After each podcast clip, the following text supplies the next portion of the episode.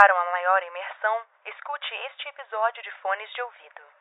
Antes de começar o episódio, não se esqueça de nos seguir no Instagram, pesadelos.cast, no Twitter, pesadeloscast e curtir nossa página no Facebook. Caso queira contribuir para o crescimento do canal, acesse apoia-se barra pesadelos.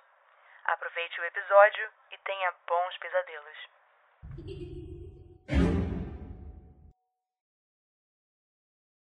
Medusa, por William Camargo.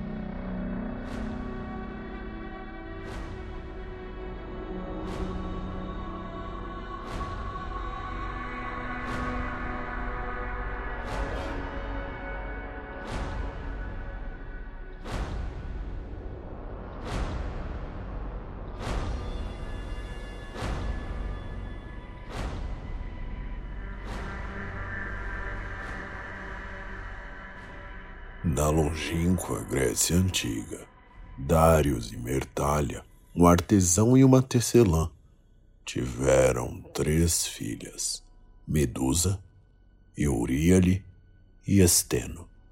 As jovens nasceram com traços de sua mãe, cabelos louros e olhos castanhos, com exceção de Medusa. Esta, a mais nova, nascera com os traços do pai cabelos negros e olhos verdes, mas não tratavam-se de olhos normais. Sua íris era pequena demais e o globo ocular trazia pigmentos amarelados quando tocados pela luz do sol. Algo que chamava a atenção. Era impossível o contato visual sem que aqueles olhos trouxessem um encanto que beirava o desconforto.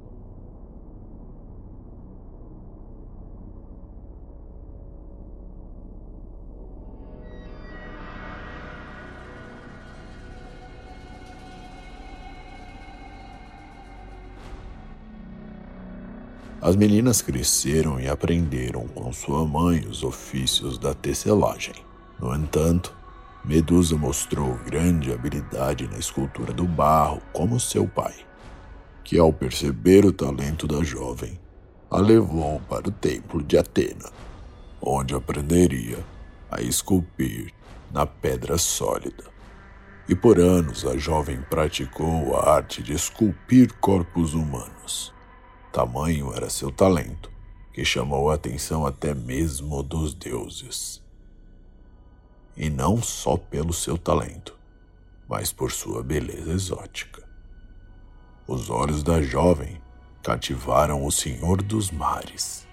Poseidon, o deus dos oceanos, dizia que os olhos da jovem pareciam um jardim aquático de corais. E apaixonado, a visitou no templo da deusa da sabedoria. Poseidon trouxe para Medusa um presente. Tratava-se de um jarro de cobre com uma tampa pesada e espessa. Disse para a jovem nunca abri-lo, que deveria abrir apenas se sua vida corresse perigo.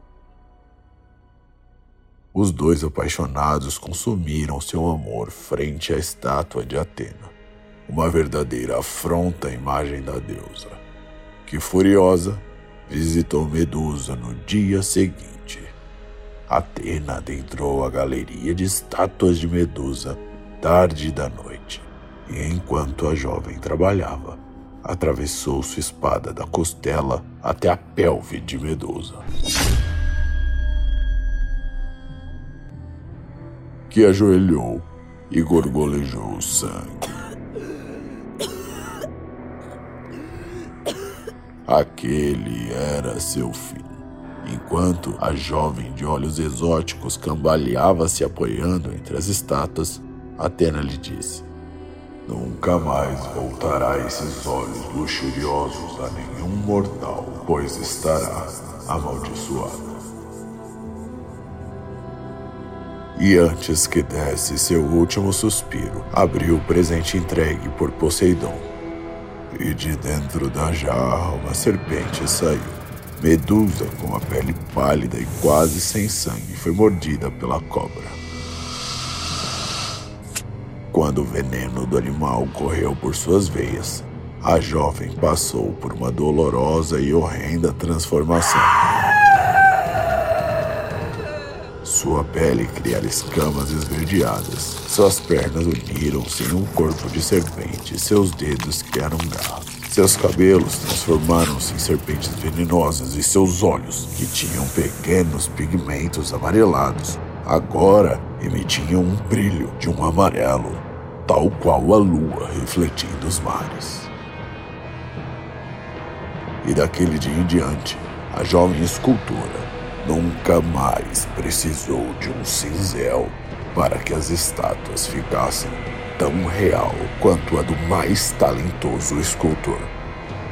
Pois aquele que olhasse para o brilho amarelado de seus olhos tornaria-se pedra.